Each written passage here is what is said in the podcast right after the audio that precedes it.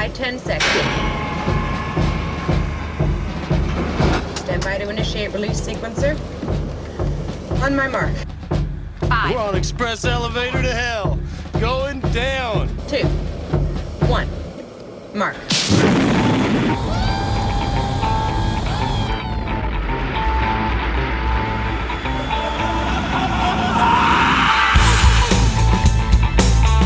Filmfrelst er i gang. Vi er den ukentlige, nesten i hvert fall uh, ukentlige podkasten til montasj.no, det norske filmnettstedet. Jeg heter Martin Sivertsen. Jeg heter Sara Marie Voldseth. Og her sitter Erik Fogel. Og her fins Karsten Meinick. Vi skal gjøre eh, en litt sånn spesiell vri på podkasten vår. denne uka. Vi har, eh, For noen uker siden så dro vi en spesialepisode på, på Terminator-filmene. Og nå skal vi gjøre en liten eh, lignende retrospektiv eh, med Alien-filmene som eh, tema. Vi har vel egentlig blitt enige om eh, folkens, at vi skulle fokusere på de fire, eh, de fire filmene. Altså Alien, Aliens, Alien 3 og Alien Resurrection. Og la de her eh, Alien versus Predator og sånn ligge litt i fred. Det er vi enige om. Vi er helt enige om. Vi, vi later som de ikke fins. Men, eh, men Alien, altså, det er jo et eh, det Bare at det, at det finnes så mange spin-offs og så mye dataspill og tegneserier og andre ting, og sånn, det, det kommer jo fra et sted, det her. Eh, Det hele starta jo i, med den første filmen, Alien, som kom i 1979. Det var jo da, eh, som, eh, som vi vet, en, ikke debutfilmen til Ridley Scott, men eh, filmen han lagd etter eh, The Duelists, som jeg ikke har sett. Er det noen som har sett den? Nei. Nei, jeg har ikke sett Nei. den. jeg. Men jeg har hørt veldig mye pent om den. Den har blant annet Harvey Keitel i en av hovedrollene, vet jeg. Mm. Jeg har ikke sett den, den står i DVD-hylla mi, men eh, jeg har ikke fått tida til å komme til den. Men jeg tror det var ingen tvil om at Ridley Scott var allerede en lovende regissør da, etter debutfilmen. Men det er interessant som, som franchise også, så at den hadde en ganske sånn treg start. Eller altså Prosjektet levde i mange år i, i hodet til, til andre Dan O'Bannon, som hadde jobba med en, på en måte en slags komedieversjon av Alien som het Dark Star, som var en studentfilm som han senere utvida, som kom på kino på midten av 70-tallet en gang. Som for øvrig også anbefales eh, som en ganske sånn merkelig 70-tallskuriositet. Du har sett den, du, faktisk? Ja, faktisk. Jeg så den på Filmklubben i Trondheim i 1994 eller noe sånt. Ja. Eh, Men den var utrolig morsom og skikkelig sånn søplete, hjemmesnekra film. Men eh, som foregår på et romskip eh, hvor det kommer en alien eh, da i form av en sånn gigantisk badeball som uh, spretter rundt etter uh, mannskapet nedover korridorene. Så den er på en måte en slags sånn herre det er Alien, bortsett fra at den er en, en, egentlig en science fiction-parodi, eh, egentlig. Da, men etter den så tok Dan og Ben denne ideen og fant ut at han, den ideen om eh, å ha noen få mannskap innesperra på en, eh, et romskip med noe fremmedelement, så så han at det kanskje kunne være en grunnlag for en skrekkfilm i verdensrommet. Og så begynte han med det. Dan og Ben er bare fullstendig digresjon her, men jeg kom nettopp på at eh, da jeg bodde i USA og som utvekslingsstudent, så eh, han, faren i vertsfamilien min her, han gikk på skole sammen med Dan og banden. Jeg fikk se liksom i yearbooken fra, fra det, og fra, jeg fikk se liksom yearbook-bildet til Dan og banden. Han var en skikkelig sånn goth-kar. Liksom skikkelig mørk, mørkkledd, og eh, jeg husker ikke om han hadde sånn liksminke eller ikke, men eh, han hvert fall en, han stakk seg godt ut. Men, men hvor lenge måtte han kjempe i Hollywood for å få Alien på beina? da? Fordi det skulle jo vært et lett prosjekt å selge inn, egentlig, hvis man tenker litt på det. Nei, fordi det var, det var jo når Star Wars kom at det ble lett. Før det så var det en ørkenvandring uten like. Eh, fordi science fiction var på en måte dødt. Eh, Eller det var veldig sånn uh, campy, ja. Ja, Med unntak av 2001, som kom eh, liksom på slutten av 60-tallet, som var gullstandarden, så var liksom science fiction-prosjekter Eller science fiction var ikke noe hot sjanger. Sånn at, men når Star Wars kom, så ville Fox gjerne ha en, en ny eh, science fiction-hit, og da lå manuset der. Men det var interessant at det også nesten var i ferd med å bli en B-film. Altså en, en, eh, en Roger Corman-film. Det snakker de litt om på, eh, i noen intervjuer og sånne ting. Og det, det har vært en interessant eh, film, men sikkert det også, men ikke den klassikeren som filmen har blitt. Helt sikkert. Det er jo litt pussig at det er en film som eh, handler om et monster om bord på et romskip. Som, og og, det, det, er liksom Eh, Det har blitt den, den utrolige science fiction-klassikeren, både som liksom fortsatt setter sett på standarden for veldig mange ting. da.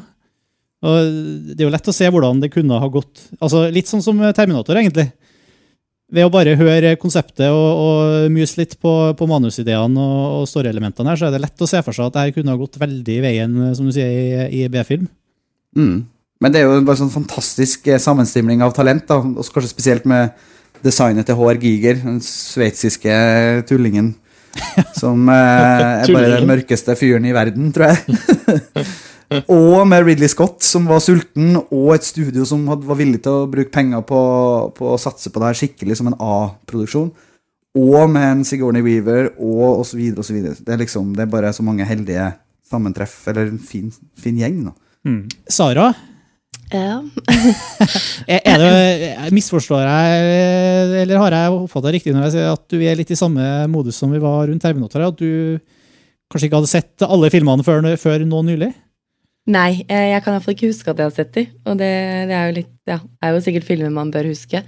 Så jeg fikk da en eh, ganske sånn intensiv 1, 2, 3, 4 eh, filmene etter hverandre ganske fort, så jeg har litt vanskelig for å skille dem fra hverandre, hvem som egentlig er hvem. Men eh, jeg kan jo godt Ja, jeg tror kanskje jeg har noen preferanser, men vi kan jo ta det etter hvert. Ble du skremt? Nei, ikke så Nei. veldig. Men til tider, til tider. Så jo, det er både bra og litt mindre bra ting. Men eh, det er litt sånn Det går litt eh, Det er litt vanskelig å skille de fra hverandre, som sagt. Så. Ja. Og, og med det så er vi vel fremme da ved den første Alien-filmen.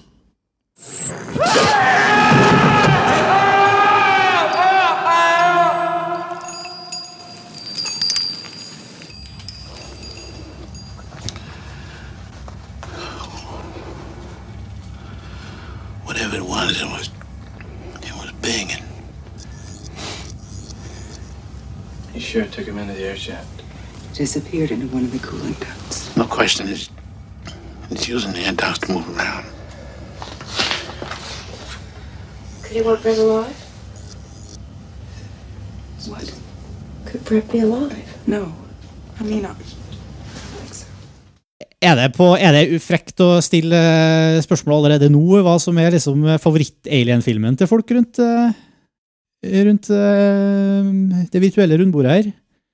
Det spørsmålet gir meg anledning til å si noe som jeg synes er ganske interessant med de fire filmene. Og det er det at eh, studioet har, sikkert ikke bare ved et valg, kanskje litt tilfeldigheter òg, men de har endt opp med å få fire filmer som kommer fra fire veldig forskjellige regissører. Eh, og det syns jeg har gitt alle de fire filmene hvert sitt egenartede særpreg. Da. Og min holdning overfor Alien-serien er jo det at jeg syns den er ganske interessant. Og jeg hater ingen av filmene i det hele tatt. Jeg liker alle på hver sin måte. Det betyr ikke at eh, jeg liker alle like godt, på, eh, men det betyr at jeg synes det er viktig å ta med i betraktningen før man går inn på som favoritter. Da. Det er at de er veldig forskjellige. Uh, Alien, den første, opplevde jeg som en av de virkelig skumle filmene uh, da jeg så den første gangen. Uh, og den står fremdeles som en horror på mange måter for meg. da. For jeg syns den var dypt skremmende.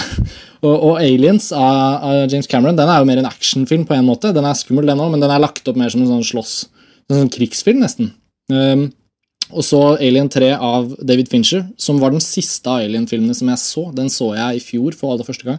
Jeg vet ikke hvorfor jeg ikke hadde fått sett den. Det var en eller annen følelse av både at den var en uinteressant film, en dårlig film, en liksom bortsett film. Samtidig er det jo David Fincher som er en av mine favorittregissører, så jeg måtte jo se den òg. Og den representerer noe ganske annet igjen. Den kommer vi sikkert tilbake til. Og så Alien Resurrection, eller Alien 4, som, eh, som de lot liksom Genet lage. eh, franske regissøren av Amelie. Som jo jeg syns nesten grenser mot komedie. Eh, noe mange sikkert er litt misfornøyd med at de tillot, fordi Alien-serien kanskje representerer noe annet. Men nå som de fire, fire, fire filmene står der litt som en sånn kanon og er en, en kvadrilogi, så er det jo nettopp det at de er så forskjellige, som jeg syns er mest interessant. Når det er sagt, så er det den første Alien-filmen som er min favoritt. Det var jo en glimrende også opp, eh, introduksjon til, til de fire filmene òg. Så det var veldig bra, veldig bra sted å starte. Eh, Jeg hadde Erik, planlagt det, så det var gøy. Jeg er helt på samme sted. Jeg kunne ikke sagt det bedre sjøl, for de er så forskjellige, og de er, har sine kvaliteter. Så jeg bare, det er bare å spore tilbake i podkasten og høre det Karsten sa, og så bare forestille dere at det er meg som sier det, så er det egentlig akkurat det samme.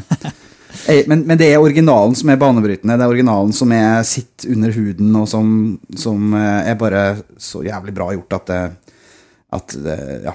Det, altså, ja. Nei, den er, det er den som står.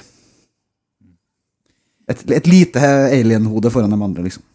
Selv så er jeg jo helt enig i at Alien, den første Alien-filmen, er genial på mange måter. Og helt klart kanskje den som har eh, Eller utvilsomt den som har påvirka og, og vært mest uh, tongivende for, for, um, for både sjanger og, og senere filmer. Men um, for meg rent personlig så er det Aliens som er den store filmen.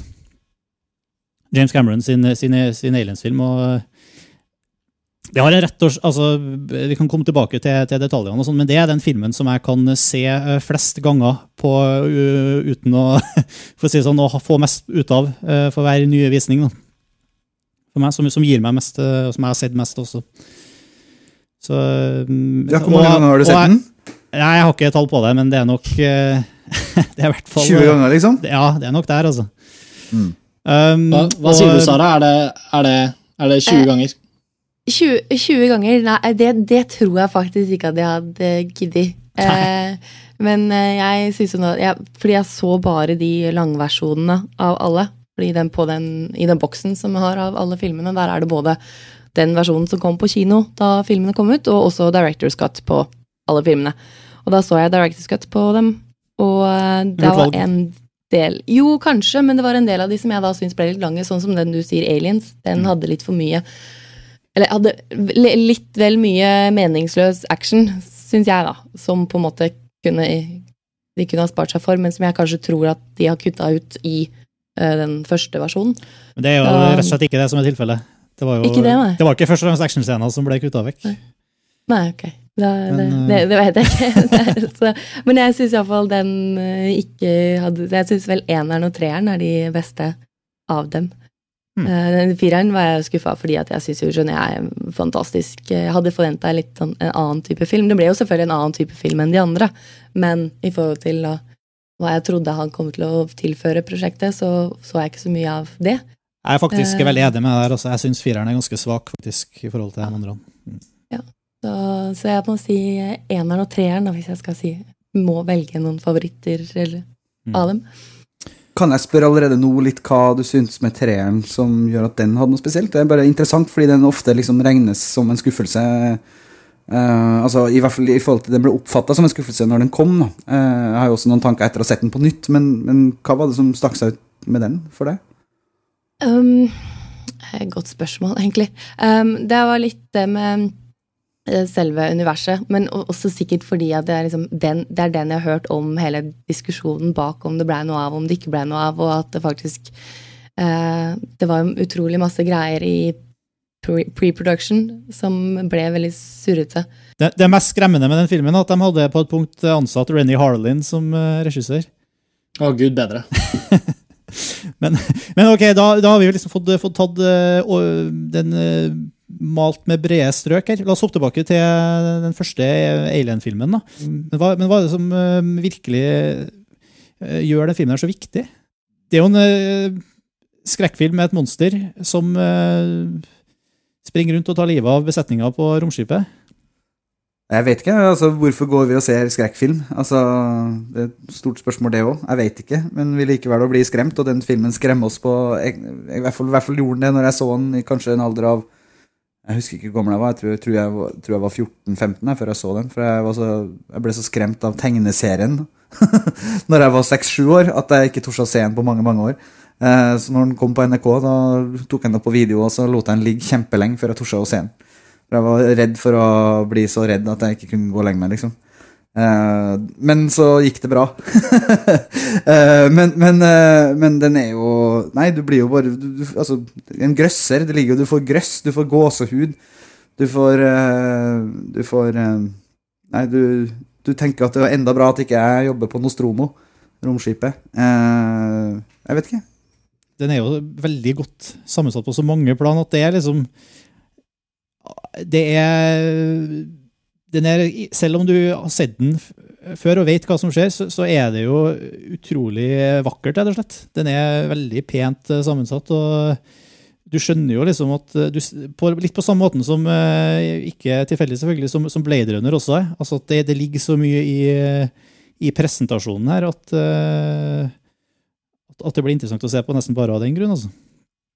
Synes jeg. Og, og så er jeg utrolig fascinert av det som har gjort, som går gjennom hele Alien-serien, selvfølgelig, som, som gjør at den herre eh, selve alienskapninga og de forskjellige livsfasene eh, og hva heter det, den rene, selveste biologien rundt de alienskapningene, hvordan den liksom utvikler seg livsløpet fra, fra egg til facehugger til og, måt, og måten eh, den liksom planter eggene sine inni mennesker, og eh, det er på en måte så horribelt og samtidig så så genialt tenkt ut, syns jeg. Det gjør det. Det er en magi der, eh, magisk greie der som overgår veldig mye annet bad guys i skrekkfilmer, rett og slett. Eller uh, monster eller spøkelser, eller hva du nå klarer å komme opp som skal eh, være som skal være det store sorte du skal være redd. liksom.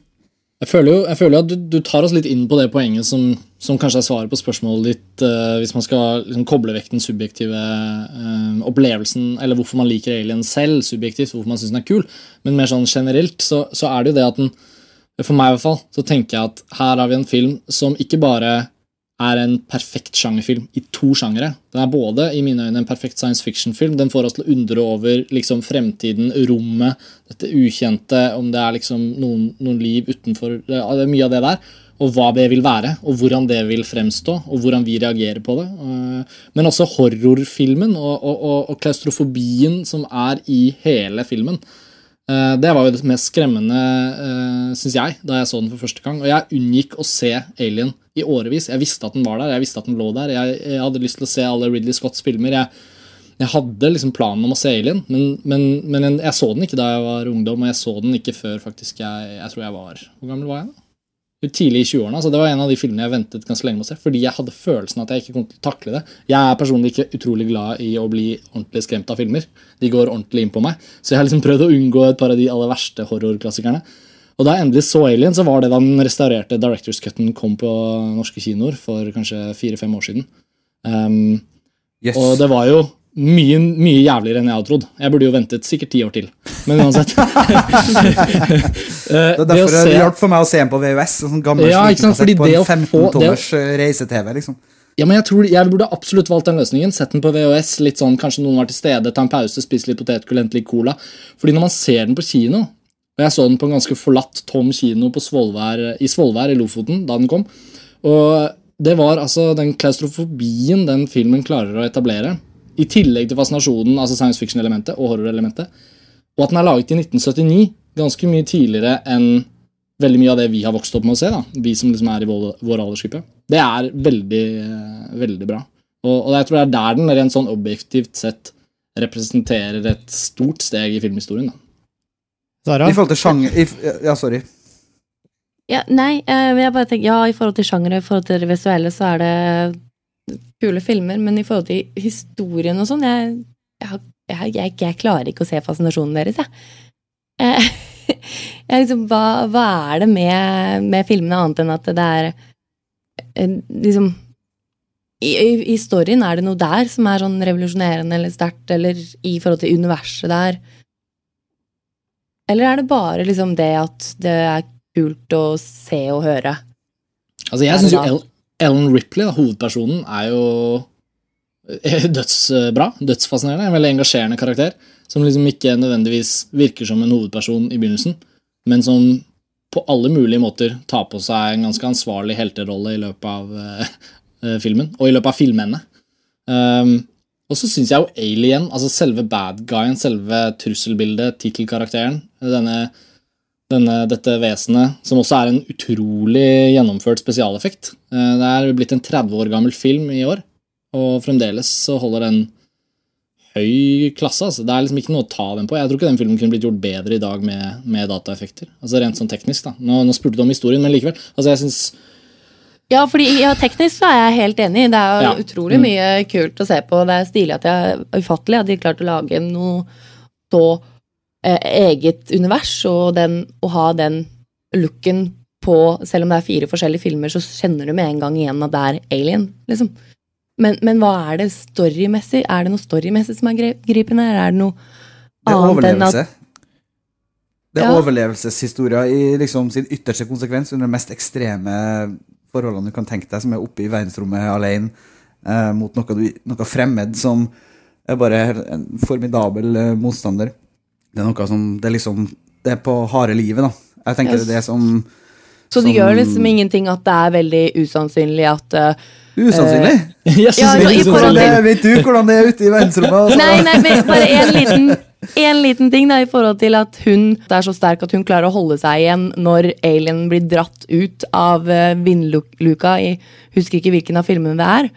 Når, når hun klarer å, å være så sterk at eh, hun holder seg igjen, og hun er jo da egentlig overmenneskelig, men vi har jo sett da i løpet av både den filmen og andre filmer at de her er jo sinnssykt mye sterkere enn hva mennesker er. Hvordan liksom, Sånne detaljer underveis gjør at jeg blir litt sånn eh, hvorfor, hvorfor er det her blitt så stort, da? Det er jo litt, det er litt sånn suspension of disbelief. Eh, altså at man Det er jo et, eh, det er jo et legitimt argument på en måte, men eh, forhåpentligvis så Eller filmskaperne satser vel bare på at man er såpass inne i historien at man aksepterer det. Og Ja, for det er jo mot Ellen- Ellen slutten, er, så Ja, og at Ellen Ripley på en måte er Hvis hun representerer gjennom sin beseiring av alien, uh, altså av trusselbildet Hvis hun gjennom det beseirer uh, et såpass truende bilde, så må hun jo også klare å holde seg igjen i den. Altså det er litt sånn der, Men altså, akkurat i tilfellet der, da, så noe som eh, blir gjentatt i flere av filmene, det at alienen blir sugd ut gjennom uh, ut i rommet mens Ellen Ripley holder seg igjen. Det, det er jo Du kan jo si til, til, til manus sitt forsvar der at eh, hver eneste gang så er den uh, utsugelsen det er Ellen Ripley selv som eh, initierer det. Og hun vet at det kommer, så hun kan forberede seg og vet hva som kommer til å skje og vet å holde seg fast på riktig måte, sånn, mens alienen eh, presumptivt eh, blir det en overraskelse på. Så han, det, det, det kan kanskje forklare det, ja. I den første filmen så har hun hekta seg fast i noe sånn uh, hun, hun sitter fast i noe sånn uh, holdt på å si bilbelte. Ja, der, der, i den i den første filmen så er hun vel Der er hun forberedt på det. Det ser man Ja, jo. men, Men, i i den de andre andre filmen så Jo, jo. Jo, jo, det er- det jo- det er jo hun som trykker på eh, knappen hver gang. Mm. Men hun klarer å holde seg igjen, ja. Nettopp. Så jeg bare applauderer deg for den uh, der, Martin. Da, har du, da kan vi gå videre. Nei, Men, men, er men, men, men jeg syns jo det er viktig å tenke på at liksom, det er jo åpenbart et, eh, et Altså, filmene støter jo på et problem i forhold til sitt publikum, ikke bare på de i de korte scenene der, men det er jo mange steder underveis hvor man, hvor man kanskje kan stille seg det spørsmålet til filmens handling. og liksom, man, Jeg tror nok hvis ikke man er veldig forberedt på sjangeren og forberedt på å kaste seg inn i universet, så vil jeg jo si at de noen ganger sliter med å å dra oss tilstrekkelig inn og være med på det som skjer. da. Særlig syns jeg kanskje i fireren at den ikke er like truende. Eh, jeg vil jo applaudere eneren og toeren for at de klarer å få vei til å være helt med på det som skjer. Um, men eh, men hvis, hvis man reagerer på det sånn som du har gjort, Sara, så er det jo også Det er jo filmskapernes problem, hovedsakelig. da. Mer enn at publikummeren skal liksom Men, men i den første filmen allerede så er det flere Når jeg ser den nå for kanskje sånn sjuende-åttende gang, som jeg gjorde for, før, før nå, så la jeg merke til ting Eller så tenkte jeg jo over en del ting som går på akkurat det. For eksempel han eh, Kane, som spilles av John Hurt. Han som får den her første alienen opp i trynet når han, eh, når han er så dum at han driver og eh, Han er så dumdristig når og utforsker det der fremmede romskipet at ikke han skjønner at det her er skummelt. Det er sånn der ikke gå inn dit-scene de luxe, da, som er bare Ja. Som henta ut fra Altså, det er en sjangerkonvensjon, da. Mm. ja. Det samme det samme når, eh, litt senere i filmen, når Ripley faktisk avbryter det hun holder på med mens det er liksom tre minutter til romskipet sprenges, eh, og går for å hente katta. Liksom, Du har det derre alienen som har bare massakrert resten av dine kollegaer, og så skal du hente katta, liksom. Det, du gjør bare ikke det. Men det gir jo oss bare en sånn derre nei, nei, nei, nei, sånn derre der følelse som, som, vi, som vi skal ha i den sjangeren. Jeg synes det er veldig legitimt da, å stille spørsmålet hva er det med storyen. Som, for at, sånn som jeg ser på det her, så er jeg syns faktisk storyen blir mer og mer fascinerende for hver film. Mens filmene, de senere filmene funker mye dårlig, til tross for at jeg syns den rene storymessige biten av det er mer fascinerende. og det, det ligger jo litt i, eh, kanskje i denne type filmer at, eh, at det kan godt være ganske basic, altså. eh, For å vekke liksom de instinktive fruktene. Og det er jo, det er jo filmer som spiller veldig mye på, på liksom frykt, frykt for veldig Og de her, altså, igjen tilbake til selve alienen, altså, som liksom driver og, og legger egg inni deg, og du, det, er liksom, det er en type forplantning som er helt, eh, ja, helt alien, rett og slett. Og, og det er veldig, som Giger stadig presiserer, liksom, det er veldig seksuelt uh, lada symbolikk her, i både design og i, i virkemåter, både på romskip og på dyr. og Det er liksom, det er liksom mer instinktivt, da, føler jeg, særlig i Alien. Og, og, men storymessig er det jo relativt uh, platt, kan du si. Jeg er uenig, men uh, Er du uenig i at storyen blir mer interessant etter hvert? Uh, Nei, ja, det er jeg faktisk. Det er den første som er Den er Den er så tight, den storyen her. Den er så Jo, men det, det, det funker Altså- funker jo bedre i filmen, og filmen er jo bedre tima. og en, eller i hvert fall De to første filmene har mye bedre progresjon og har bedre timing og har rett og slett, som du sier, tightere og mer, bedre sammensatt. Men jeg syns jo det blir betydelig mer interessant storymessig når du får Ripley-dimensjonen inn her, med hvor, hun, hvor liksom ikke sant, Fra når hun Ripley morsinstinkt kicker inn fra Alien 3 og, som en forlengelse av det som skjer i toeren, og, og, og selv blir eh, blir på en måte føler seg som en slags mor til, til Alien. Og sånt. så det er jo interessante ting, syns jeg. Men uh, jeg syns ikke nødvendigvis det er løst så veldig godt i, i filmene. Men, uh, Ja, sånn sett. Men- Treeren ja, Sorry, Sara. Ja, nei, jeg bare ville si litt av, apropos den katta. Fordi der var det, det var også den ene av En av Beklager å si det her, men en av ganske få ganger hvor jeg satt og hadde den derre Nei, du kan ikke gjøre det. Eh, filen, som jeg hadde håpa jeg kunne få litt mer, da, men jeg ble ikke så revet med. Men der var, det, der var jeg helt bombesikker på at den katta hadde en alien inni seg. At den kom til å sprette ut en alien fra den katta. Og det Ah. kom ikke. Det var litt sånn «Åh, Ja, men filler'n, da. Da ble jeg nesten litt skuffa når det liksom Fordi, ja, det hadde vært en mulighet for å få Fordi jeg visste jo at det kom toer og treer og så videre, så jeg trodde liksom det var katta sin feil som gjorde at eh, Alien kom seg videre og var en skummel ting på ny. Fordi iallfall i, i fireren så syns jeg det plottet er ganske tynt med hvordan de klarte å eh, skape en enda en film, liksom. Fordi i treeren så er det jo ingenting å bygge videre på. Ja, ja. Nei, det blir tynnere og tynnere. sånn sett det der. Jeg syns også Alien 3, altså starten på den eh, altså, Du må kjøpe at det var noe som skjedde egentlig på slutten av forrige film, som egentlig ikke skjedde. På en måte. Altså, eller, altså, det er så, my det er så mye sånn det forstår i tilfellet både med tre og fire. Ja, men det er det, ikke Ja. sant? Altså, ja.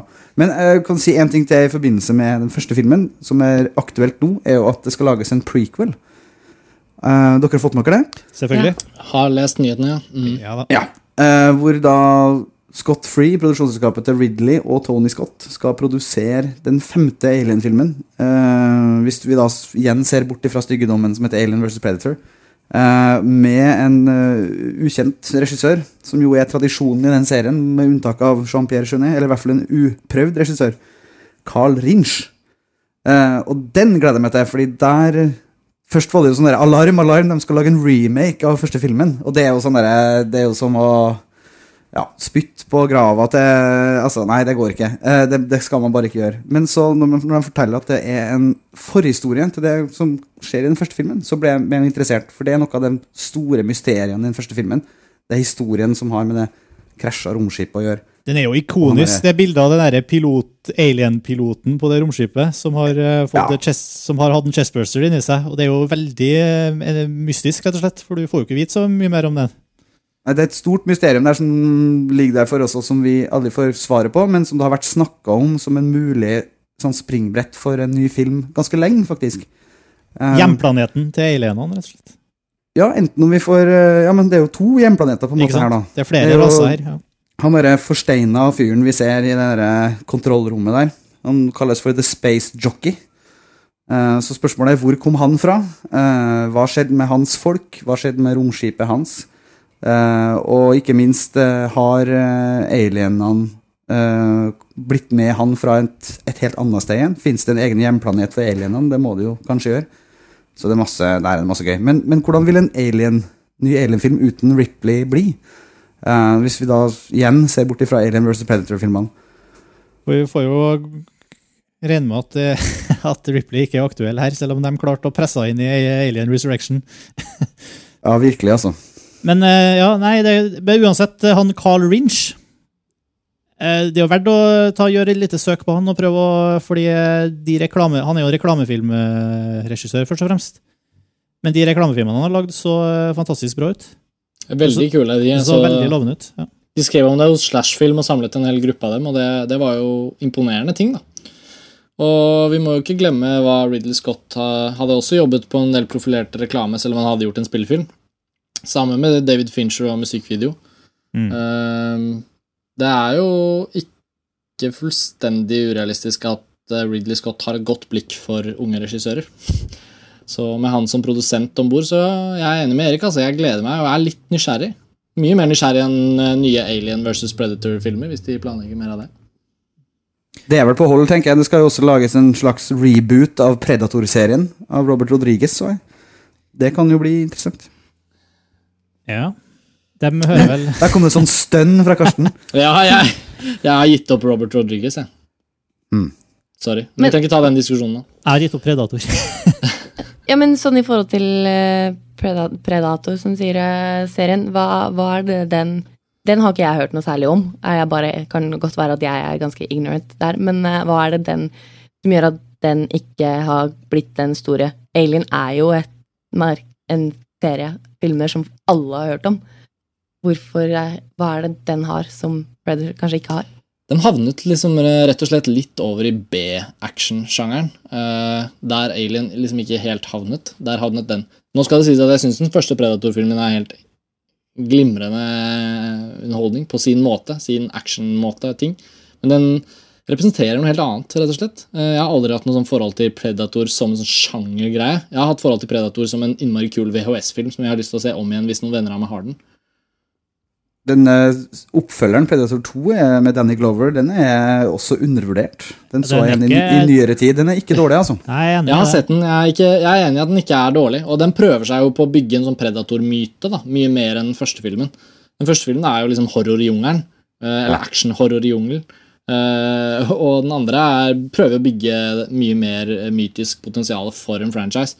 Men eh, ja, som du sa, den var jo i hvert fall undervurdert i sin tid, da. Og så i ettertid så har kanskje noen oppdaget den og tenkt at det er ikke så ille. Skal vi gå over til å snakke litt om aliens, hvis vi har snakka nok om alien? Ja, jeg syns det er gøy å gå videre til James Cameron, ja, altså. Ja, Kongen av oppfølgere. Kongen av toere. Ja.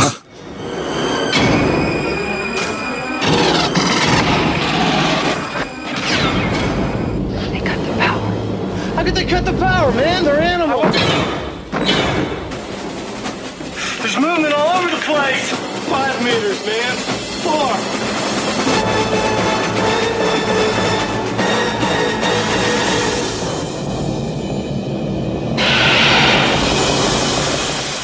Aliens. This time, it's war. James Cameron ble vel leid inn som screenwriter først, tror jeg. Og um, idet Terminator ble en suksess i 84-85, så ble han dømt verdig til å, å av Fox og, ble bedt om, å, om han ville regissøren òg, så, så vidt jeg husker. Ja, De forklarer jo litt av det i bakom-dokumentaren. Ikke sant? Han satt og skrev sånn den og Rombo Mm. 2 eller noe sånt. Ja, at han, eh, Hva var det produsenten Gaylan Heard, eh, som da var også gift med James Cameron, som, som uttalte at eh, Cameron hadde skrevet en førsteakt på 90 sider. Som, det, var det, første, det var det han rakk å skrive da, før han måtte gå over på Terminator. Og da hadde, da hadde, da hadde Fox allerede falt fullstendig for det han hadde skrevet, og gått videre med det. Men de visste jo ikke om han kom til å få regissere den. Sånn at, eh, men det var jo flaks for Fox hovedsakelig at de fikk James Cameron etter eh, The Terminator. Da, for det må ha vært et vanvittig inspirert øyeblikk og en veldig viktig tid for han som regissør.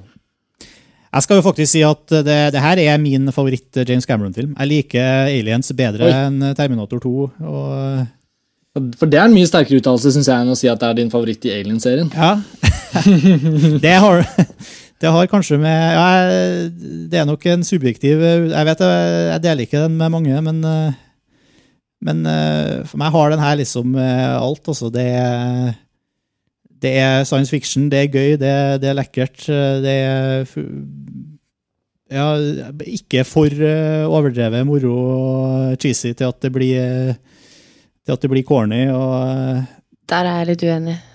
Hva Ja. syns du det var cheesy? Jeg skjønner ikke. Iallfall i begynnelsen, de karakterene og de andre som skal være med til den eh, koloni... eh, Den koloniplaneten. Badass Colonial Marines. Ja, der er det så mange karakterer som bare er helt tåpelige, skal liksom være morsomme, som ikke er det. Og ja, der, der er det som gjør at eh, jeg ikke kom inn i den filmen i det hele tatt. Den er sikkert bra videre, men der er det så mange teite folk som bare jeg kunne ønske de kunne kutte, og, eller at Alien kunne drepe dem med en gang, istedenfor at det skulle gå så lang tid før de satte i gang og drepe dem. Det er også en greie. Det, det, det går jo faktisk I special edition her så går det jo tre kvarter eller noe sånt før de faktisk får se en, en alien. Eh, Vet du hva, jeg har Ja. tima det. Jeg, jeg sjekka det, for jeg var interessert i det. Og det tar 70 minutter 70 før minutter det, eh, ja. Altså 70. Mm. Ja. eh, før, Det er nesten en hel film, det. Før uh, Marinesen og, og Ripley møter på en alien. Det er jo helt vilt. Men for meg gjør det ingenting. Altså, jeg syns faktisk både ja, jeg synes både story og karakterene funker veldig bra, men det er klart at de Altså eh, de, eh, ja, det var Kanskje de var litt mer lettkjøpt, de her karakterene, når jeg var 15, liksom, enn eh, enn de var nå. Men, men nå er det litt nostalgi i det òg, så jeg kjøper alt det der. De er Det er klart at nostalgien spiller faktor. De har blitt Man gamle kan, jo, venner. man liksom. kan jo si at tiden ikke hjelper aliens, på en måte. Altså de der, Den der marinetroppen. Den blir ikke hjulpet av at tiden går, av at vi tilvenner oss andre type eh, Jeg må jo si for eksempel hun er latino-action-bitchen. Hun, eh, hun lo jeg godt av nå, da jeg så den. Men du, apropos det. Det, det gikk opp for meg eh, først, eh, i, eh, først nå helt nylig, faktisk, at hun Vasquez, hun, som du sier, latino-action-dama, det er og jeg gikk ikke om bare før jeg faktisk så intervjuene med, som er gjort med hun i senere tid, da, eh, mange tiår etter, eh, i forbindelse med Making of uh, featurettes, at det Ikke mange tiår etter, da, men ja, flere, i hvert fall to. Eller ett og et halvt. Eller noe sånt. Men det, det er faktisk uh, eh, fostermora til John Connor i Terminator 2, som vi snakka om i Terminator-episoden. som... eh, Det er henne, ja. Det er morsomt. ja, det visste jeg Du ser det så godt på øynene eh, når du lar seg intervjue på ekstramateriale her. og Først da innså at det faktisk var samme dame. James Cameron er jo en kløpper i det å bruke skuespillere om igjen. Eh, For de som har et kjært forhold til Terminator, så husker man jo eh, Bill Paxton som han litt sånn der eh, jollete fyren. eh, Som da i Aliens dukker opp i Som en jollete fyr. Ja, som en jollete. Jeg vet ikke hva slags ord er det. Jollete. Men uansett, en veldig en veldig morsom karakter i Aliens. Da. Jeg syns han er hysterisk morsom. Jeg syns ikke han er teit. Jeg synes Det er jo bare en fryd å se på. Det er også ganske morsomt tilbakemateriale hvor Bill Paxton forteller om da han fikk rollen. For han var jo på ingen måte trygg på at han kom til å få den rollen, selv om han hadde blitt kamerat med James Cameron på Terminator. Eh, og han har jo vært med James Cameron i nesten alle filmene han har gjort siden. Nei, bare si at Det du sa eh, i stad, Erik, om 70 minutter inn i filmen, hvor de møter sine første eh, virkelig fullblods voksne aliens, det er et av det tror jeg kanskje er det største frysnings-gåsehudøyeblikkene i hele serien for meg. når eh, de er under reaktoren her, og da har du sittet på og vent, liksom, Da har de tøyd det så utrolig lenge og bygd, bygd forventninger og bygd, eh, bygd opp og lada uh, filmen her. og når veggene liksom begynner å bevege seg der med og Du ser at liksom det som er tilsynelatende rør og organiske vegger, som viser seg å være faktisk aliens. Det, det er på en måte et absolutt høydepunkt i hele Alien-serien for meg. altså. Enig, så fin bruk av sånne video, videokameraene de har. Hvor Ja, du ikke ser noen ting, og så sitter de og stresser i den bilen, og hva er det som skjer, liksom. Snakk til meg.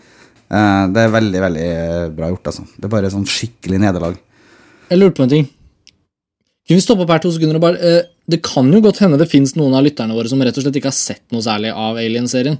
Eh, skulle vi ta et, bare et litt kort handlingsreferat for hver film eh, til hvert Mm. som vi kommer til dem? Fordi hva, er liksom, hva vil dere si at er liksom plottet i Aliens? Hva er det, vi, hva er det som har skjedd eh, nå, siden sist? Det har jo gått eh, f- eh, 55 år eller noe sånt fra, fra den første filmen, og eh, Ellen Ripley har ligget i eh, hypersøvn, som de kaller det. Ligget i eh, cryostasis, i dvale, nedfryst på fluk livbåten hennes, den eh, romskipslivbåten, og blir plukka opp eh, ved en tilfeldighet, kan det virke som, eh, av eh, av en sånn eh, outpost, rett og slett, en romstasjon. eh, og det viser seg jo at eh, eh, det har da, i den tida som har gått, så har de satt opp eh, hele, en hel sånn koloni på den planeten, hvor de uh, landa på den, i den første filmen og fant de her eggene og fant alienen. Så det har da åpenbart da bodd eh, kolonister som har, skal jobbe med å gjøre klar planeten der for, eh, for gruvedrift. Eh, for å utvinne mineraler eller noe sånt. Så de, har vært, de, har, de er såkalte terraformers, som driver og bygger atmosfære og litt forskjellige ting på den, den, eh, den planeten. Og, men, tilfeldigvis, mens, tilfeldigvis akkurat etter at Ripple ble funnet og Ja. den saken hennes eh, kommer opp, så, så, mister de kontakt med Ja. kolonistene. Og det er en sånn stor logisk brist for meg der at ikke de kolonistene har, har, har funnet det her romskipet som var med i eneren, som lå ute i ødemarka der. For det er jo bare, vi får jo se det i, denne, i den extended-utgaven, at det er jo bare en kort kjøretur. Så kommer han seg dit. Det kommer tilbake til det du sa, Sara, at det er en hele den sekvensen der, det er en god 20 minutter, eller, eller er kanskje ikke så lenge. Det er i hvert fall de to viktigste sekvensene som ble klippa i kinolanseringa av den filmen. Det er den sekvensen du får si der, Erik, som viser kolonistene som eh, finner eggene, eh, og blir da på en måte vekke til live de sovende facehuggerne i de eggene. Og, og hele livet på kolonien, det er borte. Og sekvensen hvor du ser at eh, Ellen Ripley eh, blir, får vite at dattera hennes Du får faktisk vite at hun hadde ei datter sjøl. Det er faktisk informasjon som ikke som du ikke får eh, kjennskap til i den opprinnelige kutten. Og det er jo utrolig viktig at Ripley hadde ei datter som døde av alderdom mens hun lå ute i rommet og svevde i eh, livbåten sin. Så, sånn at eh, du har liksom det derre eh, Ja, du har mors morstematikken som på en måte viska litt ut da, fra den opprinnelige editen. Men, men sånn i forhold til det at det var unaturlig at de fant det romskipet der og da, var, var det ikke en han ene som prata mye med uh, med Ripley? Eh, han fikk jo høre av henne at det var der de fant aliene, og da tipsa han basen om det, og da var det noen som plukka opp den infoen, Jo, og derfor så kjørte de ut. Men Og det da blir det jo logisk Det er fortsatt ulogisk, fordi i den første filmen så er det samme selskapet som beordrer Nostromo til å ta en stopp på den planeten.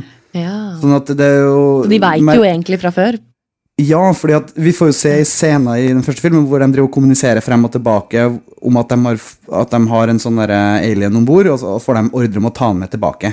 Og da vet de jo nøyaktig hvor den planeten var, så det er helt merkelig at eh, liksom, The Company ikke vet noen ting når det har gått noen år.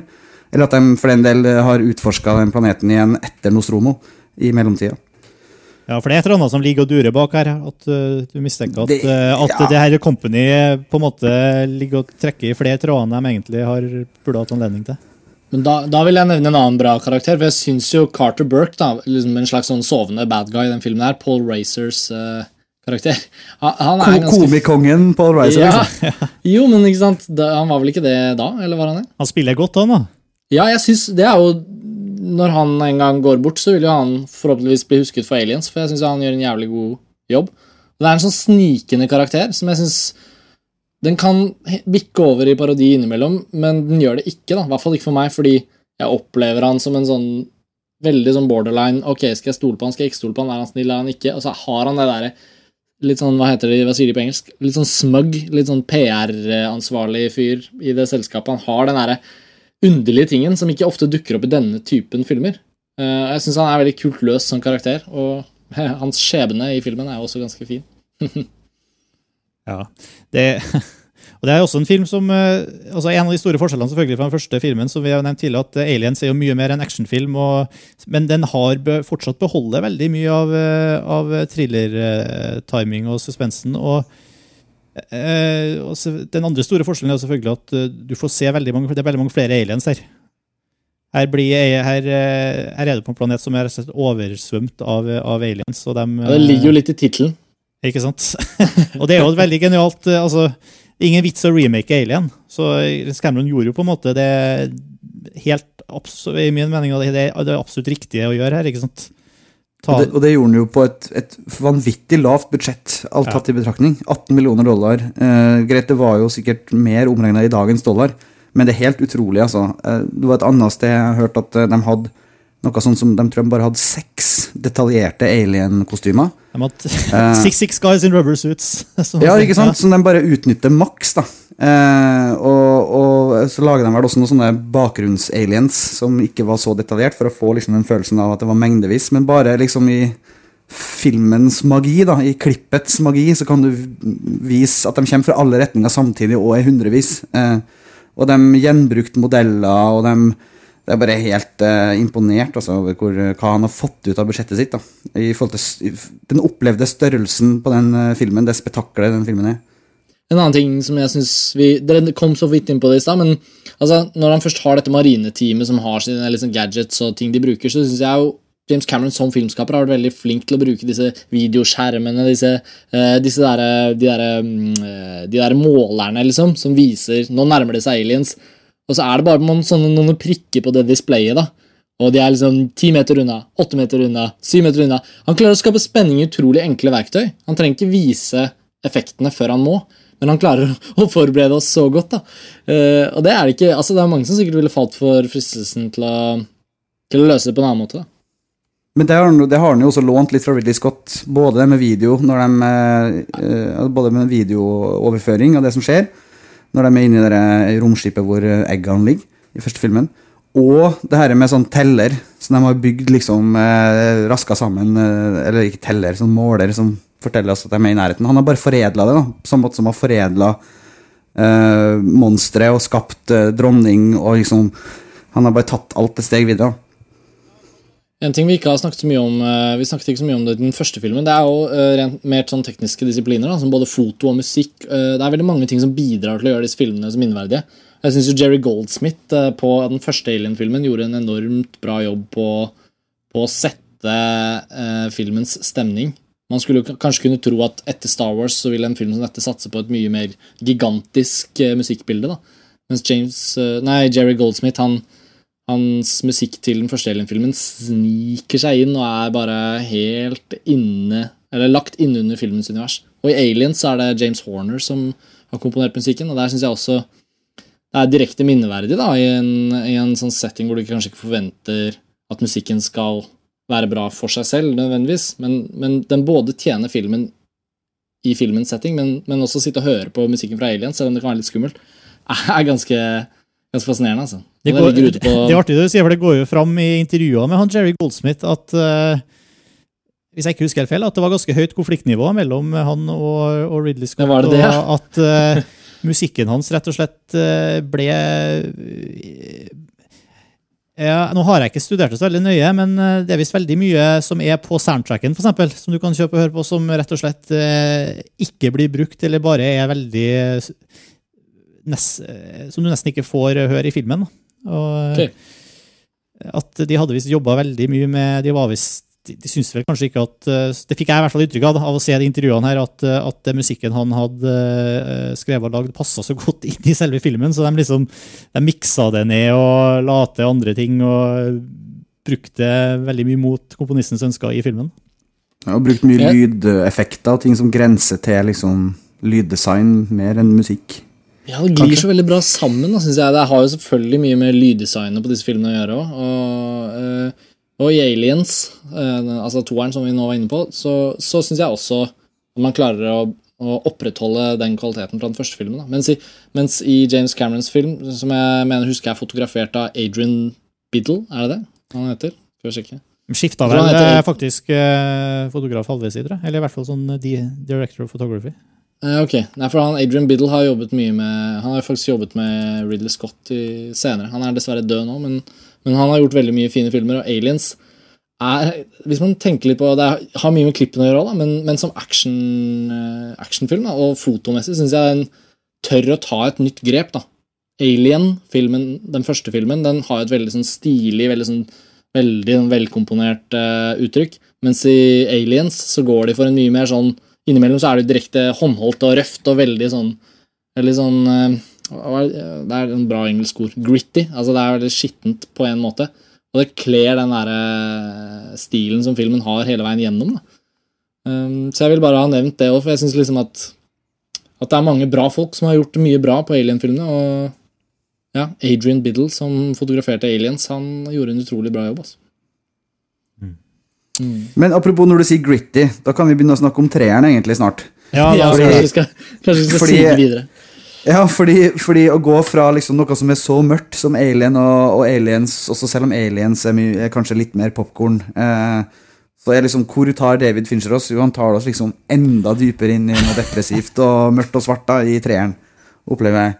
Så den er på en måte Den har eh, lite humor, den har ikke noe håp. Det er liksom Alt er svart for menneskeheten. Og nå kommer dommedag i form av en ny alien for å ta synderne som bor på denne planeten. For det er det det handler om da, på en fangeplanet.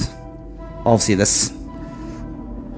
Here, in a world where the sun burns cold, and the wind blows colder, a visitor has come.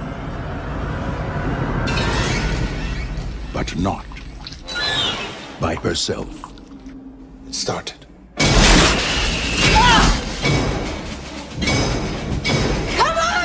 The suspense is back. And we have no weapons of any kind? The fear is back. Ah! Don't look back, dude! Run as fast as you can! And most of all, the bitch is back.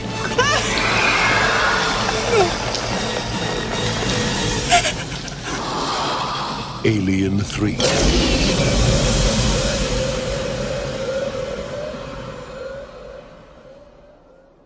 Jeg er helt enig med at filmen går så fryktelig ned i, ned i kjelleren, for å si det sånn. for den er, eh, Mens Aliens slutter egentlig ganske upbeat. Nå har du liksom eh, Michael Bean sin karakter character er- og eh, Ellen Ripley og hun unge jenta Newt. og det er liksom, Du har nesten følelsen at her har du en eh, happy familie som har eh, overlevd. og en skikkelig Hollywood-ending, på en måte. Så, eh, selv om hele besetninga ellers er, død. Men eh, når, I starten av Alien 3 så er de rett og slett bare døde. Lille jenta er død. eh, Michael Bean sin eh, rollefigur er død. Det er bare Ripley som er igjen, og en eh, alien som, har, eh, som vi alle skjønner, før de skjønner det i filmen, da, har, eh, har vært med på, på, på det, det krasjlanda skipet og begynner da å terrorisere de her fengselsinnsatte. Og ta livet av dem én etter én, som vi også selvfølgelig vet kommer til å skje. Og men, men denne, denne filmen her er jo den er skikkelig hard å, å se på. Det er jo obduksjonsscener med hun, lille Newt, og det er aliener som popper ut av eh, Ja, det er jo i forskjellige, de forskjellige versjonene av filmen. Opprinnelig så var det en eh, hund som alienen eh, tok sin første, la sitt første egg i og kom ut av, mens i den alternative varianten så er det en okse, så vidt jeg husker. Ja, og det, det er jo egentlig det som er den opprinnelige utgaven, Ja. eller Fincher sin. At, øh, og det er jo for dem som bare har sett den som kom på kino i var det 93-92, um, så vil jeg absolutt anbefale å se den såkalte Assembly Cut, som er Mm. versjonen som er med på den uh, boksen med alle, alle filmene. Uh, for det er en, virkelig en, det er en helt annen start på filmen, en helt annen inngang i universet, som jeg føler uh, eh, gjør at man kommer mye tettere på karakterene og får eh, eh, faktisk en større kontakt med noen form for tematikk for filmen. da. At det er liksom Det er, det er religiøst, et slags religiøst motiv. Altså De er syndere som er forvist til en sånn fremmed planet, og så kommer Og de tror på dommedag. Da. De tror at snart skal dommedag komme. Eh, Og den kommer. og, og det, den kommer, liksom. Og da er spørsmålet skal du gidde å, å stå imot. Eller skal du, altså som en lite ubetydelig menneske, eller skal du eller skal du bare ta det som det kommer? Eh, og som fortjent, kanskje, i mange av tilfellene. Det er liksom, de er jo mordere og voldtektsmenn, hele gjengen. Og de, de sidene der blir diskutert mer i den litt lengre assembly-cutten. I tillegg til at du får en bedre inngang i universet med en helt annen start. Og selve alien i seg sjøl er det ikke gjort så veldig mye av i filmen her. Eh, Bortsett fra selvfølgelig det veldig kritiske plot-twisten her, er jo at eh, Ripley har jo selvfølgelig en eh, alien inni seg. Og eh, det blir jo etter hvert veldig eh, Særlig i andre halvdelen av filmen, en veldig viktig del av, av hele forløpet. Og det, det er Men der mislykkes Fincher, da. Altså I å få den riktige emosjonelle liksom, payoffen på det øyeblikket, når hun oppdager at Shit, jeg har en inni meg, liksom. Eh, det, det får de ikke helt ut av eh, det. Altså, Men det blir en det er jo, det er jo her det, jeg føler at plottet virkelig Det er jo utrolig potensial for veldig mye bra, bra her. Definitivt. Men det, det, og det er jo helt riktig. Men, men det er liksom et potensial som ikke utløses godt nok da, til at du får den avrundinga på filmen som kjennes i magen, da, eh, bokstavelig talt i det tilfellet her. Eh, Eller i brystkassa. Ja. Det er der, det er der man kjenner det. Ja, faktisk. Presse på fra innsida, faktisk. Men, men det, får, det får ikke Fincher til, da.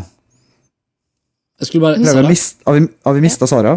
Nei da. Jeg Vi bare prater så ivrig, vi du. ja, dere er veldig veldig ivrige, og jeg, er liksom, jeg har jo ikke den fascinasjonen for den filmen her de filmene her i det hele tatt. Så det er litt vanskelig å motargumentere dere, for dere har jo veldig gode argumenter. Men, eh, Men du sa noe veldig interessant i stad, at uh, du syns det her var en av de bedre filmene i serien. ja, for jeg tror det kanskje har veldig mye med det dere sier nå, at det er et eller annet med åpninga der som For jeg så jo også den eh, eh, ja, den lange versjonen. Uh, og der fikk jeg med en gang kom jeg mer inn i universet, og jeg ble liksom ikke satt ut av uh, tåpelig teite karakterer som jeg følte jeg ble i toeren. Uh, og der kom jeg inn i et univers som var enda mørkere, enda møkket, mer møkkete, enda råere. Og det stemte i forhold til hva jeg sikkert hva jeg ville se. Det, jeg likte det på en måte bedre.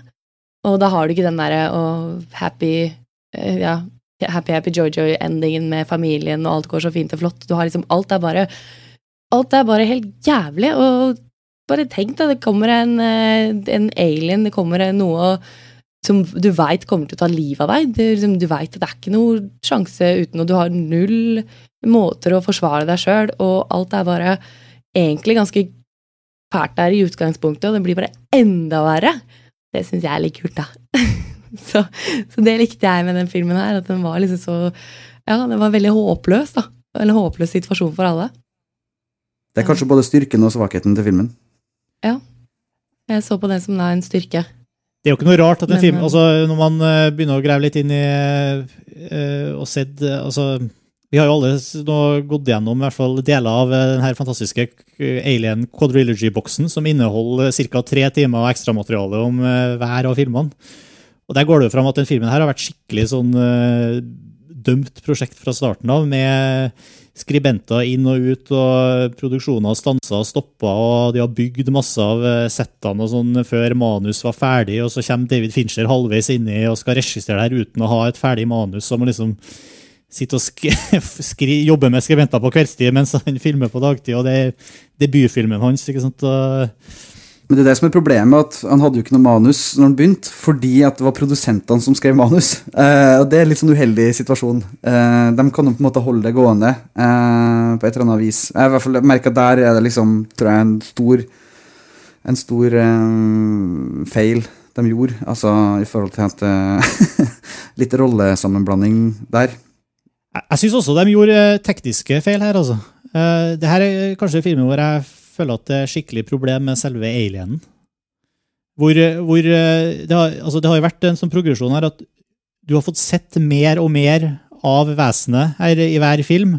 Eh, på en måte det har funka veldig bra i Alien og Aliens, Uh, mens i Alien 3 så, så, så funker ikke Alien for meg i hele tatt. Altså, det er gjort noe sånn uh, Måten den er Det er brukt noe stop motion-animasjon her, og det er brukt noe eh, veldig Det var en av de første filmene hvor det faktisk ble brukt uh, CGI-grafikk i enkelte scener. Eh, og her blir liksom det måten den alienen sitter i bildet på, er ofte ganske snål. Og det passer ikke inn, føler jeg, i, i, i ramma rundt. Og det er også enkelte scener så er det veldig sånn rare størrelsesproblemer. På noen scener ser alien veldig liten ut, andre ganger ser den veldig svær ut. Og Ja, det er sånne ting som jeg da ikke tenkte på under den filmen her, fordi jeg syntes det var mer interessant med det samspillet på planeten, med fangene og med karakterene. Fordi at jeg har ikke den passion for alienene i seg selv, så det gjorde ingenting, og derfor er ble da det her en Ja, det var ikke noe svakhet som jeg så på, eller så etter. Ja, det er også veldig gode sk skuespillere her. Det går jo også fram uh, i treeren, altså, som har skikkelig godt skuespill. synes jeg. Ja, Det er jeg helt enig i. Jeg synes, eh, Det var en av de tingene jeg la ganske merke til da jeg så den. for- for- Det var i fjor, det var den siste Alien-filmen jeg så. Uh, som sagt. Altså Den siste jeg så første gang. Um, han, Hva heter han, han britiske skuespilleren? Og legen. Legen. Charles Dance heter han. Han er så eh, bra skuespiller. Han er sånn skikkelig sånn britisk karakterskuespiller. Som får, det er det jo mange av i Alien-serien, men, men han får liksom virkelig prøvd seg på en ganske interessant rollefigur. Så Så det var en av de overras mest overraskende tingene synes jeg med Alien 3. At den var så på rent sånn skuespillermessig.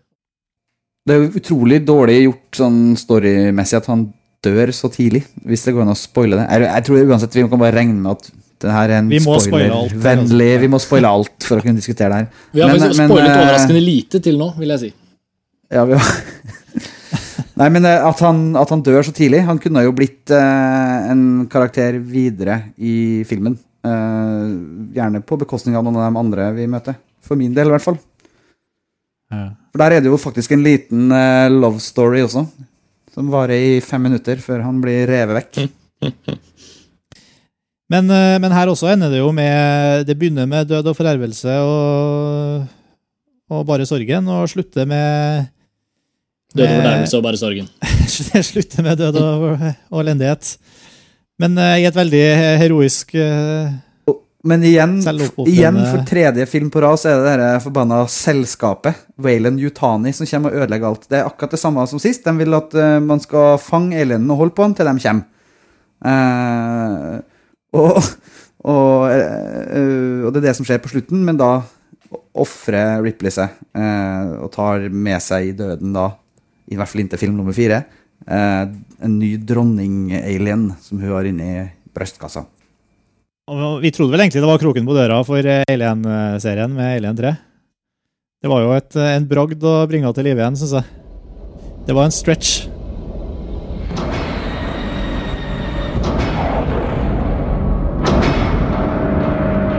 These were very, very hard to come by. So was our cargo. Whatever you got going on here ain't exactly approved by Congress. It's a military operation. Really? Who are you? Ripley Ellen, Lieutenant First Class, number 36706. Ellen Ripley died 200 years ago. You're a thing, a construct they grew you in a lab. What the hell is going on here? He is breeding an alien species. Wish you could understand what we're trying to do here. Now they brought it out of you. Not all the way. out. You want to tell us what this is? It's a queen. She'll breed. You'll die. Hoppe over til fireren, som også er hvor eh, franske Jean-Pierre Jeunet blir eh, flydd inn fra, til Hollywood. Eh, Du, du nevnte Amelie her, kanskje Karsten. Han hadde de ikke lagd den ennå, tror jeg? Nei, han sier i hvert fall i bonusmaterialet på Alien Resurrection så snakker han om at han satt og skrev Amelie på det Nei, tidspunktet. Det tok jo sikkert tid å få laget den filmen også, og det var vel en idé han hadde med seg fra for lenge siden. Han hadde vel laget Delikatessen? Uh, og City of Lost Children, ja. Fortapte barns by. La City des Enfants Perdus. Mm, Absolutt, De fortapte barns by var vel liksom filmen som mer enn noen annen kanskje var argumentet for at han skulle få lage en film som, som Alien er. da. Jeg syns det er artig at han eh, sitter og sier i intervjuene her at uh, han kom til møtene med Fox, til Fox og sa at eh, han, han hadde egentlig ikke noe lyst til å gjøre det her, han ville i hvert fall ikke lage en Hollywood-film. Og så, og så var det på en måte det han gjorde, da. Veldig. Altså. Det her var en ikke-film for deg, Sara, eller? Ja, nei, det var, det var grei, liksom, men den var ikke noe wow. Oh, stor film. Den eh, Jeg veit ikke hva den mangla, men det var et eller annet mer for litt det, ja, Plottet som i utgangspunktet, starten, blir jo sånn ja, Nei, vi har eh, klart å lage en, eh, en klone ut ifra noen blodsplekker som var igjen etter forrige eh, gang som vi har laga kjempelenge. Også det der forholdet mellom alien som jeg også ikke syns funker noe særlig bra i treeren, som dere også har nevnt, da, det forholdet til at uh, Ripley skal ha den moderfølelsen for alienen, den, den syns ikke jeg funker i noen av filmene. Og den prøver jo veldig, veldig mye i fireren å få at hun da har en sånn kjempekjærlighet for dette For dette us, eller monsteret som hun på en måte er moren til, da. Det Nei, det, det, det går ikke, for min del. Så den Apropos den kloninga, jeg syns det er litt sånn Jeg vet ikke hvor, hvor, eh, hvordan det egentlig funker der, men DNA er jo noe som du i utgangspunktet Jeg vet ikke, den bloddråpen, var det liksom Ellen Ripley sitt blod, eller var det på en måte en blanding av hennes blod og den her alien-blodet som har begynt å sirkulere i kroppen hennes, eller hvordan eh, For de klona jo med rett og slett uh, med en med alien, alien inni seg, liksom. Ja. Det, det, det, jeg skjønner ikke hvordan det det er jo ikke noe som ligger i arvematerialet til, til Ripley, i hvert fall. Og da, da har jeg da problemer igjen når eh, på en måte basisen i filmen og, og grunnlaget for at du skal tro på den eh, helt fra begynnelsen av er litt sånn jeg, jeg er ikke med på det i det hele tatt. Og da det sitter jo liksom litt igjen resten av filmen òg, da. Men liksom, jeg kommer ikke helt vekk fra den. Og det, det må man liksom akseptere da, for å kunne ta den filmen i- over hodet på alvor. liksom. At Ja. den faktisk har klart å klone. Men sett bort fra det, så syns jeg det var gledelig gjensyn, egentlig, for min del. Faktisk mer, Jeg var mer positiv eh, nå enn, enn Jeg var ganske skuffa når jeg så den på kino når den kom. I 97, tror jeg det var. Og den, altså Jeg syns jo Genet faktisk bringer en del bra til bordet. da Altså En ting er hans visualitet, eller hans, hans stil, hans måte å lage film på. Og, og Darius Konji, som er fotografen, som eh, er bare utrolig Han bringer også noe til bordet. Og jeg syns faktisk i den fjerde filmen, paradoksalt nok, en ting de fikk til kanskje best av alle filmene i hele serien, og det her kan det være at jeg har eh, for uenighet på, det er selve alien-dukkene. Altså når de er uh, i skikkelig close-up.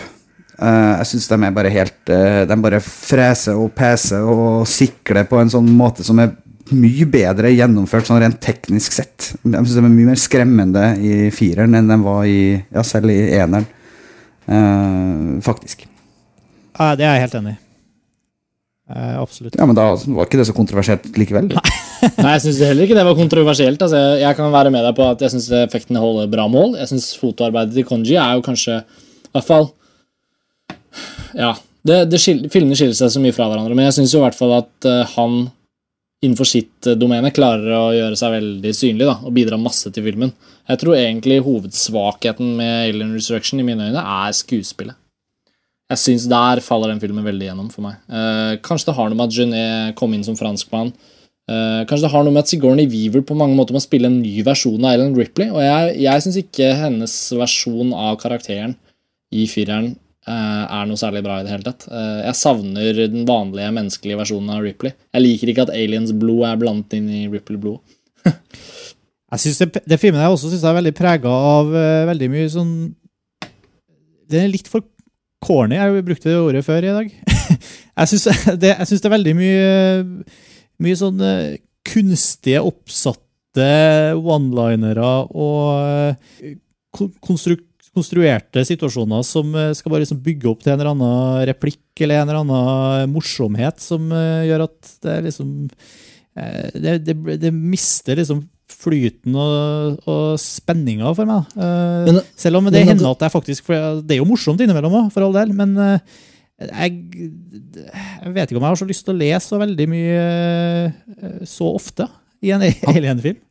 Men akkurat dette skal jo ikke bare bli eh, Jean-Pierre Genets feil, da, unnskyld. Men, men, men her er det jo også en manusforfatter som har sin egen stil. Og mannen som skrev Alien Restriction er jo Joss Whedon. Som i ettertid har blitt uh, veldig profilert for sine TV-serier. Og han har jo en litt sånn egen stil, en egen humor, som kanskje ikke helt passer inn i Alien-universet. Men noen av dem syns jeg funker. Det er litt sånn hit and miss. det der. Eh, og noe av det syns jeg faktisk er interessant i forhold til det med å blande inn humor og sånn. Eh, det, det er et eller annet som skurrer med det, men det også er, er, er litt spennende med det, på en måte. Det er litt overdrevet, ja. Og ja, hit and miss. Og det, Ja. De burde kanskje ha droppa missene. Så hadde, Det kan man jo si. så hadde det muligens funka mye bedre. Eh, og så har du jo hele det her sorgelige, sørgelige historien med baby-alienen.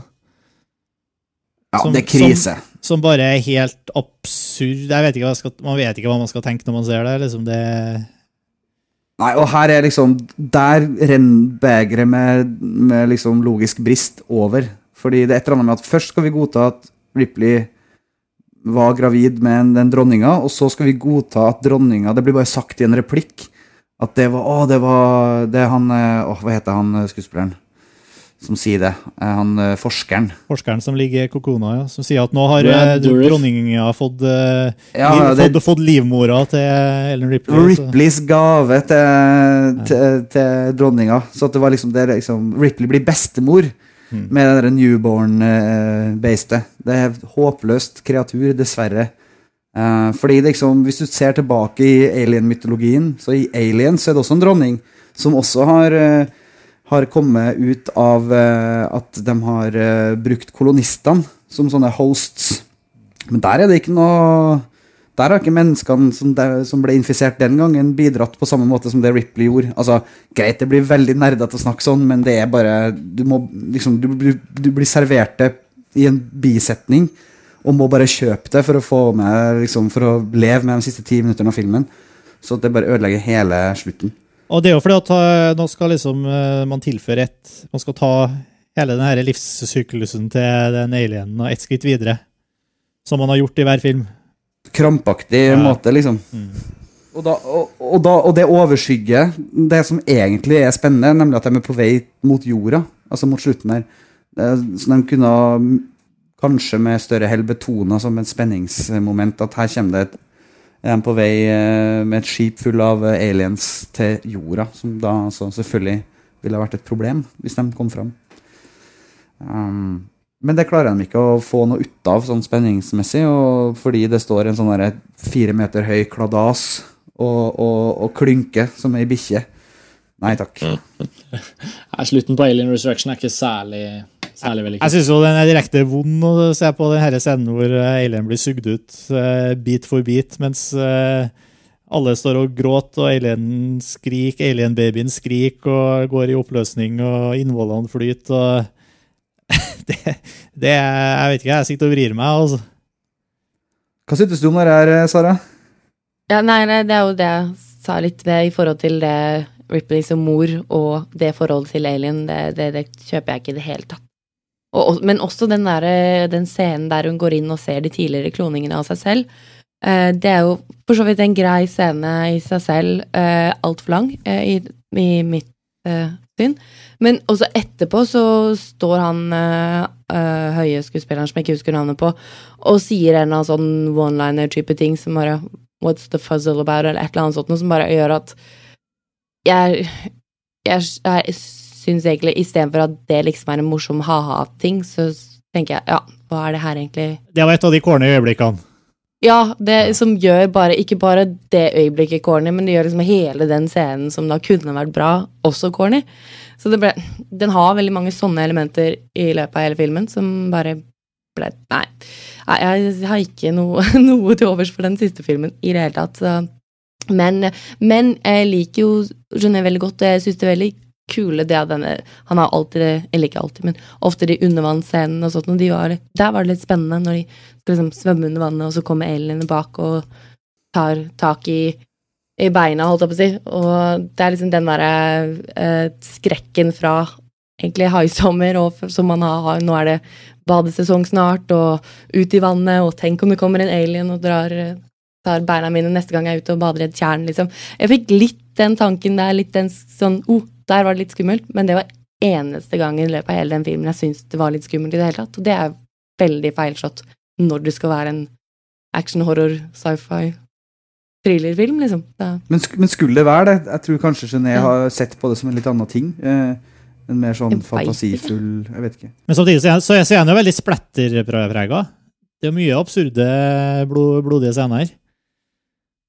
Som, ja. som ekkelt. Eh, som liksom også ofte framstår ganske corny.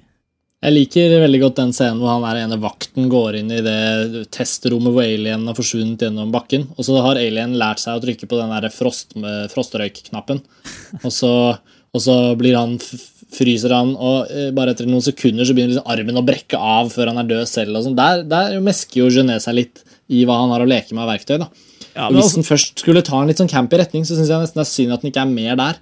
At altså, apropos logiske brister. Liksom. Her er det vitenskapsfolk som har forska i tiår på de her alienene og kloner og greier. og så, De vet jo at de har syre som blod, og så bygger de ikke bur til dem som tåler syre. Det er jeg er helt enig. Den, eh, den, irriterer meg også hver gang. det blir strek i margen, altså. Ja, ja.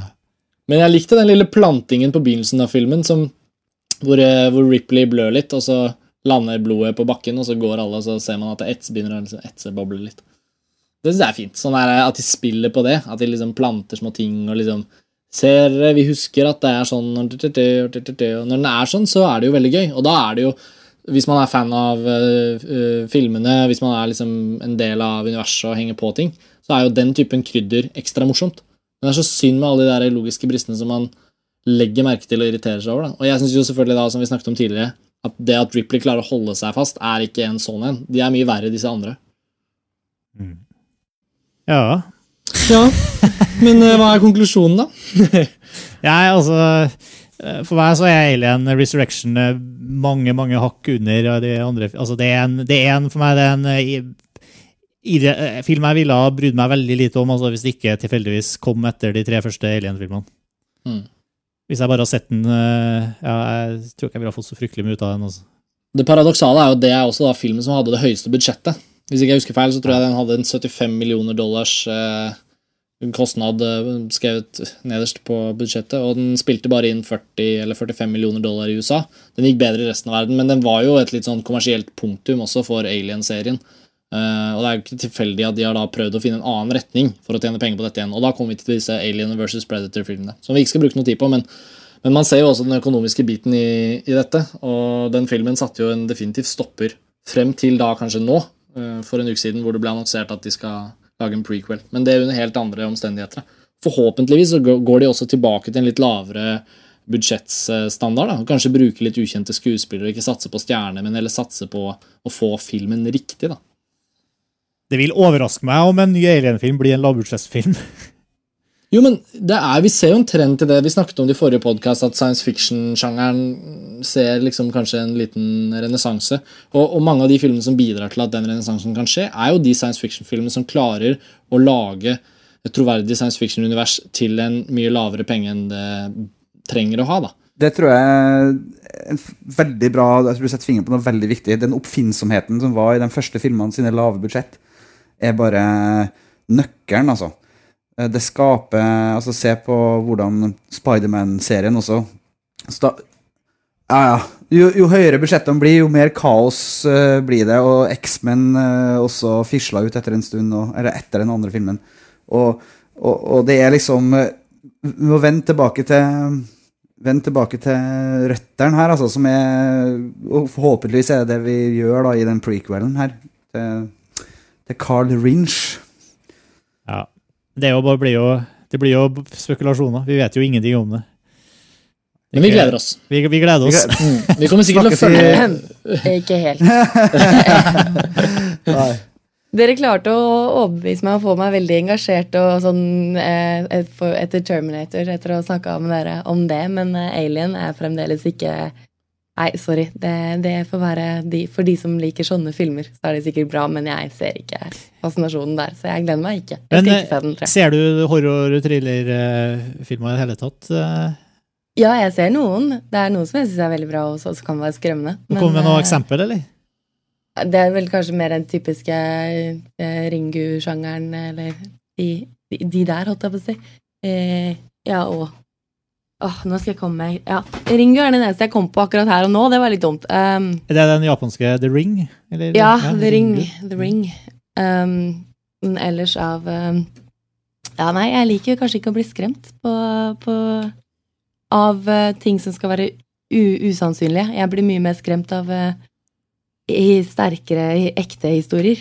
Så men av folk som ser, Er ikke det at folk blir tatt spist av i videoen? Eh, hva Ringu er, ja, er ikke de folk som ser på TV at de skal dø? eller noe sånt? ja, ja, ja, den er jo veldig usannsynlig sånn sett. Men, men, samtidig så er den koblet til noe veldig reelt for oss. da. Det er jo den der creepy følelsen at en videokassett kan ta livet av deg. Det er jo, jeg, jeg, synes jo den, jeg har unngått den filmen som pesten. Særlig pga. mitt forhold til videokassetter. etter å ha jobbet i videobutikker og sånn. Du vet aldri hva det ligger på den tapen som de leverer feil, som ikke har logo på seg. Det er jo alltid porno, selvfølgelig, men, men det er jo skummelt likevel. Ja, men sånn ho ho type horror som, som gode, gamle Psycho, liksom, den er mye, mye mer skremmende. Var mye mer skremmende og satt mye mer igjen. Og uh, Shining og liksom Litt sånne ting hvor det da er mennesker som er jævlige, som gjør faenskap. Ja, At det blir for lite jordnært, bokstavelig talt? Ja, kanskje det. Jeg ble ikke, jeg ble ikke skremt, iallfall ikke av aliens. Eller alien, ja. Noen av dem. Så ja, men hver sin smak. Nei, men det, det, er vel, det er vel sikkert ikke skremselsfaktoren som er utslagsgivende for meg heller. Altså. Jeg syns egentlig på en måte en film som, som uh, Event Horizon uh, i, i, sjanger sci-fi horror. Jeg var, gjorde mer i sånn uh, Var mer sånn forstyrrende fra sånn skremselsperspektiv for meg enn en noen av Elend-filmene noensinne har vært. Jeg satt bak puta hele den filmen. Jeg har valgt å aldri se den, for jeg trodde den kom bare til å ødelegge meg rent sånn Ja. Ikke se den, Karsten. Nei, jeg holder meg unna.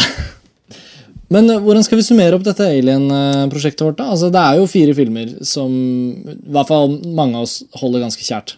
Og, de, eh, og noe av ideen sprang vel også ut av at denne Alien-boksen var på ekstremt billigsalg på play.com. Eh, og det er jo mye å hente ut av å se de filmene, vil jeg mene. Nå har jeg sett nesten alle om igjen i forbindelse med dette. og det er ja, det er en, eh, en, betydningsfull serie for å knytte de to sjangerne sammen. da, Horror og, og science fiction. Og de 12-15 timene med ekstramateriale her, jeg, var, jeg synes i hvert fall det er veldig lærerikt i forhold til, til Hollywood og, og filmproduksjon i, i, storskala som det her er. Å se hvor, hvor, mye, hvor, mye, også hvor mye intriger og de krangler jo faktisk en god del. Eh, de er jo masse folk som har vært involvert i filmer som intervjuer hver for seg. Og de, det går jo fram at det har vært veldig høyt konfliktnivå på en del av de produksjonene her. Og det er så bra at de tør å være ærlige på det i den eh, sammenhengen eh, når det har gått noen år. og, og sånne ting. Det gjør det jo langt mer interessant å, å, å se den her bakom-greiene. Når, når, liksom, når, man snakker om kilden til konflikter, og om store kreative altså Folk så forskjellig på ting. og studioet sine forhåpninger og syn på ting og inngripen og Nei, det er veldig fascinerende. Ja. Neste episode av Filmfrelst Nå er jeg usikker eh, om vi skal kjøre Det blir enten Terminator Salvation eller Antichrist. Det finner vi ut når vi, det finner det vi ut når vi har sett filmen. Når vi har sett den, hvilken vi skal eh, ta først. hvilken er viktigst å ta først? Men det blir i hvert fall, eh, Jeg gleder meg veldig til begge de, de episodene, faktisk. Og men uh, takk for uh, alien-praten uh, i dag, folkens. Og takk for at dere holdt ja, ut å høre på. Og Sara Takk for at du, du, holdt ut med, med, våre nok en gang våre gutteroms... Ja. Nei, det, jeg syns det er interessant altså, hvordan Jeg er usikker på om folk som plukker opp Alien-filmene for første gang, nå faktisk vil få det samme ut av dem som vi, som vi har fått ut av dem.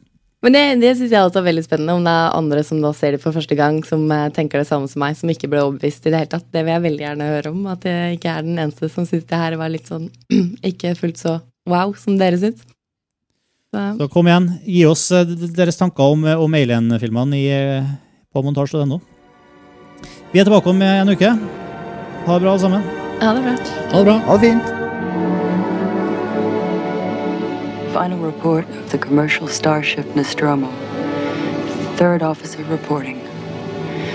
The other members of the crew Kane, Lambert, Parker, Brett, Ash, and Captain Dallas are dead. Cargo and ship destroyed. I should reach the frontier in about six weeks. With a little luck, the network will pick me up. This is Ripley, last survivor of the Nostromo. Signing off.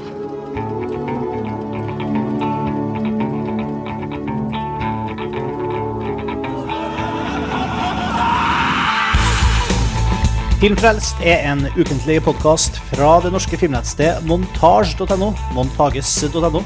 Vi er alltid glad for tilbakemeldinger, enten i kommentarspaltene på montasj.no slash filmfrelst, eller på mail til filmfrelst at montasj.no.